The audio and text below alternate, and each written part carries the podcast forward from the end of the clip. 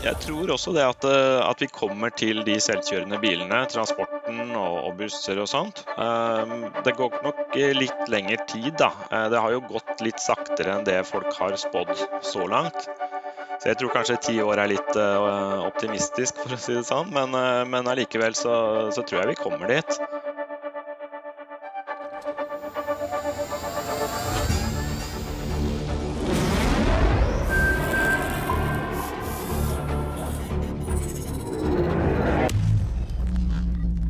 Velkommen til Teknisk sett, en podkast fra TU. Mitt navn er Jan Molberg, og jeg sitter eh, på riverside.fm med Odd-Rikard Valmot i en annen ende. Hei, Odd-Rikard. Hei, Jan. Hei, hei. Blir mye på hjemmekontor nå? Det blir det. Det gjør det. Den er kjelleren min. Ja. Nye bunker. Tenk deg hvordan det hadde vært i disse smittetider om vi hadde hatt vår personlige robot som kunne gå og handle og kanskje gjøre tjenester? Ja, Det hadde vært egentlig helt fantastisk, for da hadde vi virkelig kunnet holdt oss unna all smitte. Ja. ja Vi måtte ha spylt robotene etterpå, selvfølgelig, men det hadde vel gått. Og jeg vet jo at eh, når, når vi syns vi har det for bra og trenger å frykte fremtiden, så ser vi på videoer fra Boston Dynamics og ser på disse robotene som eh, ja. ja altså, når de attpåtil får kunstig intelligens, da, så blir det jo, og våpen, så blir det jo kjempefarlig. Jeg ser jo hvordan teknologien har utvikla seg fra på de siste fem åra. Altså hvordan de nå kan danse og slå stift og sånn. Det er jo selvfølgelig koreografert, det her, men, men det er jo imponerende kombinasjon av mekanikk og IT. Ja. Og jeg syns jo at denne AI-revolusjonen er veldig spennende å følge med på. Kanskje også litt skremmende, selvfølgelig. Men når den i parallell backes opp av en det jeg vil kalle en mekanisk revolusjon, det er virkelig det. så åpner det seg ja. en del vyer, altså. Og elektrifisering, ikke minst. fordi at de første robotene vi så fra Boston Dynamic, de hadde jo mye eksos. Ja, de, var jo, de, var jo, de, hadde jo bensinmotor. Nå går de på, fossile de på batterier. Ja. Ja. Men for å snakke om dette her, og grenselandet um, mellom robotikk og kunstig intelligens, så har vi fått med oss førsteamanuensis ved Universitetet i Oslo, Kyrre Glette. Velkommen, Kyrre. Takk for det. Du hører at vi har både litt nysgjerrighet og ikke minst en dose frykt eh, for det som skjer nå. Kan du, kan du avfryktifisere oss litt? Grann? Ja, altså det er jo uh, naturlig at når man ser på de videoene, så, så blir man litt skremt. Det, jeg også kjente litt på den. Uh, utrolig hvordan de robotene klarer å hoppe over sperringer, og, og, de danser jo ganske bra også. Ja. Eh, men, men, jeg kan jo si at det, det kan hende vi eh, tilskriver dem litt egenskaper de ikke har. Da. For, for det er koreografert det her, som du nevnte. Og, og, og, det er på en måte ikke, kanskje ikke så veldig mye kunstig intelligens, da, eh, for å bruke det ordet, i, i, akkurat disse bevegelsene. Så vi tror kanskje at de har lyst til å gruve til musikken og, og vrikke litt på seg. men det er, eh, det er jo koreografert av mennesker, ja. disse dansebevegelsene. Og så er det på en måte algoritmer da, som har beregnet hvordan de kan klare å bevege seg eh, og allikevel holde balansen og sånt. da. Ja, så Dette er mer et reguleringsteknisk uh, uh, oppvisning enn det er kunstig intelligens? Men jeg tenker jo sånn, gi det, gi det ti år, da. Da, da. da, er vi i en annen situasjon. Det er ikke sikkert vi trenger å koreografere de lenger. Jeg tenker at uh, altså per i dag, så det vi ser, er jo mye uh, reguleringsteknisk og blandet med en del kan du si, forbedret uh, teknikk med optimalisering og, og, mye beregninger og sånt, som gjør at det her er mulig. Men så har det jo skjedd mye på kunstig intelligens som, som, kanskje mange forskere også prøver å putte inn i, i, i tilsvarende robotplattformer. Så det, vi har jo sett at det, roboter kan bli, eller altså På kunstig intelligens så har det blitt mye framskritt på, på bildegjenkjenning, ja. språkforståelse og, og, sånne type ting, eh, som er veldig imponerende. Uh, og det kan man jo kanskje også prøve å putte inn i roboter, og det er jo mye forskning på det. Så, men, men allikevel så tenker jeg at kanskje kunstig intelligens det, er, eh, det handler jo om Eller det har fokuserer jo på å gjøre maskinene bedre på, på si, vanskelige oppgaver, men det er begrenset til ganske snevre felt av gangen. kan du si da. Så disse systemene som gjenkjenner bilder, de gjør det veldig godt. Eh, men det er ikke så mye sånn sunn fornuft inn i bildet. Faktisk I går så var det OpenAI som lanserte et, et, system som var veldig flink til å på en måte bruke flere typer input. så Den kunne på en måte se på tekst og også bilder og, og koble ting sammen. Ja. Men, det, men allikevel så kunne du vise denne bildet av et eple med en lapp på, som det sto skrevet iPod på, og da trodde systemet at det var en iPod det så. Eh, så, det, liksom, det, sier litt om på en måte at det er veldig lite sunn fornuft i disse systemene. Eh, og, og, det er på en måte ikke så mye som tyder på at det kommer til å komme med det første. Nei, vi, og tilsvarende da at de på en måte ikke helt får sine egne tanker eller eh, meninger da, sånn med det første. Men vi har jo veldig sterk utvikling når det gjelder autonome biler. Det er jo et enormt marked, selvfølgelig. Eh, sånn at der får vi en spesialanvendelse av eh, både AI og robotisering og mye annen morsom teknologi som gjør at kanskje ti år så er en hel yrkesgruppe borte. Altså taxier, langtransportsjåfører etc., etc. Vil de ha noe fremtid? Bussjåfører, vil de ha en fremtid i når, når eh, den type teknologi er både billigere, kan jobbe 24 timer i døgnet eh, og mye sikrere. Veldig mye sikrere. Ja, altså, jeg tror også det at, eh, at, vi kommer til de selvkjørende bilene, transporten og, og ja. busser og sånt. Um, det går nok litt lengre tid, da. Det har jo gått litt saktere enn det folk har spådd så langt. Så jeg tror kanskje ti år er litt uh, optimistisk, for å si det sånn. Men, uh, men allikevel så, så, tror jeg vi kommer dit. Ja. Uh, men med tanke på, på jobber og sånt, da, så, så, kan man jo kanskje dra litt paralleller til uh, industrielle revolusjon og på en måte at man gikk fra manuelt arbeid til, til at maskiner gjorde mye arbeid. Da. Så da har jo folk funnet andre ting å gjøre på et eller annet vis. Ja, det, er, det er jo uh, veldig, veldig, interessant innspill, dette med, med med bilen. Altså, fordi det viser jo også hvor viktig sensorikken er for å få dette til å fungere. Og eh, kan du ikke si to ord om betydningen av, eh, av sens, sens, utviklingen av sensorer? Fordi dette, med, dette, med, å gjenkjenne ting En ting er jo at algoritmene skal plassere det riktig inn i, inn i datahjernen, men en annen ting er selve, selve sensorikken. Da. Det må jo ha stor betydning? Ja, det, det er eh, absolutt det. Eh, det er, eh,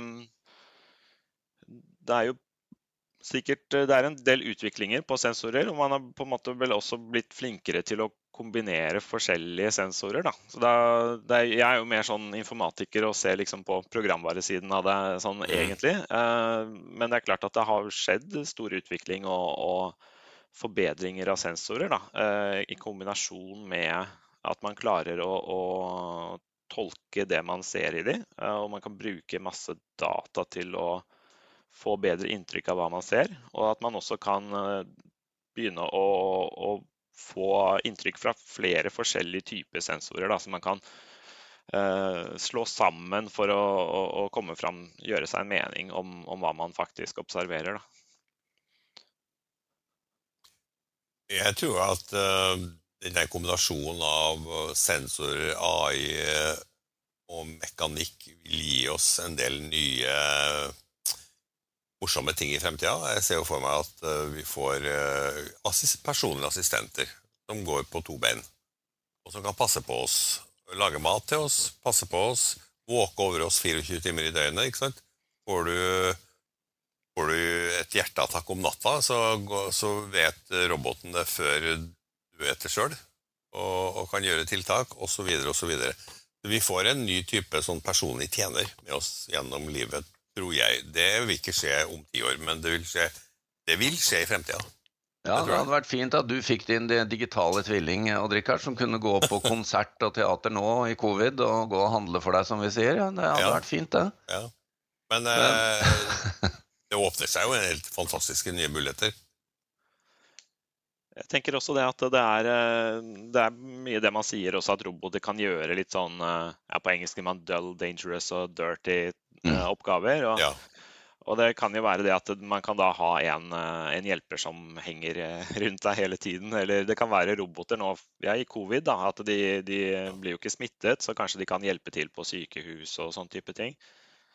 Eh, eller de kan ja, f.eks. i sånn type katastrofeområder eller områder det er farlig å være for mennesker, da, så er det jo utrolig nyttig om roboter kan klare seg litt mer selv og bli litt mer robuste. Og det, det er jo kunstig intelligens veldig bra uh, verktøy for å få til. da. Men uh, Kyrre, vi er nødt til å snakke litt om AI også. Det er jo et uh, samlebegrep. Og det, det, vi, det, vi, ofte kan, eller i hvert fall jeg ofte kan tenke meg, er jo bildet av Boston Dynamics eller de videoene, og så intelligensen fra uh, 2001, Space Odyssey med Hal, som jo fremstår som å tenke selv. Og så er det science fiction, selvfølgelig. Men, men det å bruke begrepet artificial intelligence betyr jo ikke selvtenking fra maskinene. Nødvendigvis. Nei, det, det gjør ikke det. Altså, det jeg legger i begrepet kunstig intelligens, er vel uh, at man eh, prøver å, å, få til oppgaver med maskiner eh, som er på en måte komplekse kognitive problemer. Som, det vil si at man eh, eh, prøver å gjøre ting som man kanskje trodde bare mennesker kunne gjøre. Eh, og det, det, kan være så enkelt som, tenker jeg, å, å planlegge på GPS-en hvilken vei man skal kjøre, og ta den korteste veien ja. i trafikk og alt sånt. Det er ikke så mye Eh, hva skal jeg si eh, magi i de algoritmene. Eh, men det er en søkealgoritme som finner fram til det beste svaret, og den gjør det ganske fort. Og det er jo imponerende. Man klarer det bedre enn mennesker gjør, da. Stort sett. Men, men tror, du, tror, du, ikke før eller siden at vi vil komme til et punkt hvor maskinene utviser det vi kaller en slags sånn menneskelig intelligens? Og, at, ja. uh, og, og, og, hva da? Ja, uh, det er jo på en måte Jeg tenker at det er, det er lett å komme til den uh, tanken og stille seg ja. det spørsmålet når på en måte maskinene blir raskere og raskere, og, og vi får stadig bedre hva skal jeg si, kunstig intelligens. Så, mm. Så hvorfor skal de ikke ta over en, en dag? Og, og, så er det jo noen som snakker om en sånn såkalt singularitet, da, hvor det, ja. du kommer til et punkt hvor de blir like smarte som oss, eller bitte litt smartere, og så kommer det til å ta av fordi eh, da blir det bare massevis av oppfinnelser, og, og, mm. og ting eh, stiger eksponentielt. Ja. uh, men uh, jeg er vel kanskje av de som ikke tror at vi er i nærheten av det i det hele tatt. Um, det har, eh, det har, jo vært noen sånn kjente folk som har advart ja. mot dette, sånn som Elon Musk eh, f.eks. Eh, men det er jo også kjente folk innen kunstig intelligens og robotikk som, som mener det helt motsatte. Så da har man Rodney Brooks f.eks. Ja. Og det er mange forskere som mener lignende ting. Så, så jeg mener jo at det er kanskje litt Det blir litt mye på en måte fantasi og, og, tro når man kommer til det. At, ja. uh, og det er, det er, på en måte ikke så mye som tyder på at vi kommer dit at den kunstige intelligensen at Selv om det har gått fort i det siste, så har det ikke gått i den retningen. Uh, men jeg tenker kanskje det som er uh, litt interessant, er jo at vi har blitt fått systemer som blir mye flinkere til å, å sanse og gjenkjenne ting. Ja. Uh, og forstå på en måte mer av verden og forstå mer av det mennesket sier. Og, og det Da tror jeg vi kanskje også ilegger det litt uh, At vi tilskriver det litt uh, menneskelige egenskaper pga. det. Og så kanskje vi legger litt mer i det enn det det, det faktisk er, da. Ja, det er jo helt riktig. Og vi, vi lar oss jo påvirke når, folk som Elon Musk og jeg vet ikke om det er Sukkerberg eller går ut og advarer, men, men jeg skjønner jo det at de grenselandet mellom science fiction og reality den eh, blir litt tåkelagt, da. Jeg har litt vanskelig for å, for å skjønne hva vi egentlig skal måtte bedrive fremtida med. Når du går mange år i fremtida, i fremtida hvor vi har autonome biler, vi har veldig mange systemer er blitt autonome. Vi har allerede sett det på IT-sida, hvordan, hvordan bedre og bedre IT-systemer og mer og mer AI har forandra på en måte alt mulig med bank og finans. Det kommer til å skje i bransje etter bransje. og mitt spørsmål som jeg aldri har fått svar på, er ja, hva skal vi gjøre da? Jeg ser jo at etter den industrielle revolusjonen tar masse oppgaver sånn, men hva er det etter denne revolusjonen? Jeg, jeg, jeg, har ikke fått et godt svar ennå. Men keep it coming. ja, nei, jeg vet ikke om jeg er noe god til å, å spå hva vi skal gjøre da. Det, det kan jo, vi kan jo bare drive med underholdning og kultur og slikt. da. Forskning, kanskje. Men uh, det er utrolig vanskelig å, å spå uh, hva vi ja, kommer til å drive med i framtiden. Det er det selvfølgelig. Evolusjonen går videre, og Richard, vi blir degenerert der vi ligger på sofaen og ser på Netflix, og din uh, robot alter ego fikser alt. Kommer druer til meg. Ja. det ble nye, ro nye romertiden. Kyrre, uh, avslutningsvis, kan du si noe om hva vi kan forvente oss uh, det neste år eller to?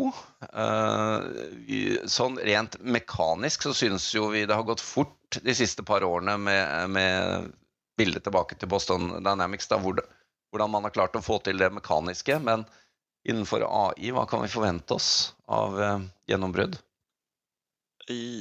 Da kan jeg kanskje snakke litt sånn mer i retning mitt felt. Da. Eh, det, det, er litt vanskelig å si akkurat hva som kommer av, av gjennombrudd, men, men det er eh,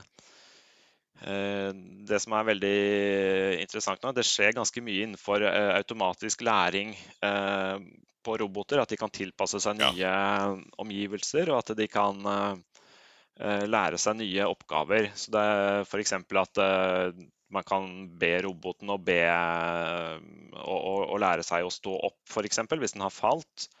Uh, og at maskinene da kan komme opp uh, med en løsning man, uten at man helt visste hvordan den skulle gjøre det.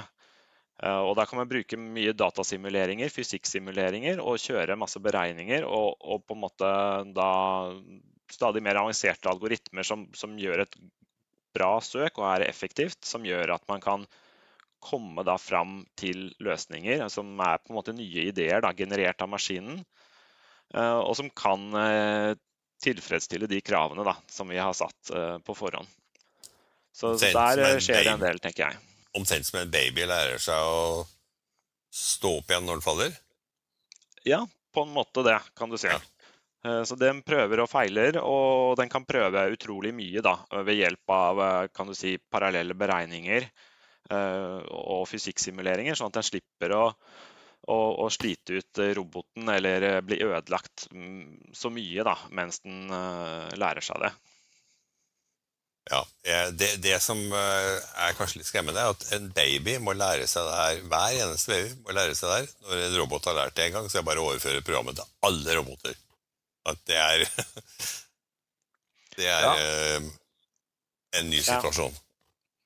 Det er fortsatt menneskets shortcoming. Eh, men eh, Odd Rikard, vi har grunn til å være litt mer beroliget etter, eh, etter å ha hørt på Kyrre her. Ja da. Og Kyrre, tusen takk skal du ha for at du stilte opp og beroliget oss litt. Og lykke til med arbeidet videre. Ja, takk, takk til Kyrre Glette, takk til Odd Rikard Valmot, og takk til vår produsent Sebastian Hagemo. Mitt navn er Jan Moberg. Dersom du ønsker å konsumere enda mer innhold fra oss i TU.no og digg.no, anbefaler vi at du blir abonnent. Det vil gi deg tilgang til alt vårt innhold innen energi, elektrifisering, forsvar, fly, samferdsel, byggenæring, industri, maritime næringer, karriere og mye, mye mer fra vår kyndige redaksjon. Du vil da også få tilgang til alle sakene Odd Rikard skriver om sine 687 favorittområder.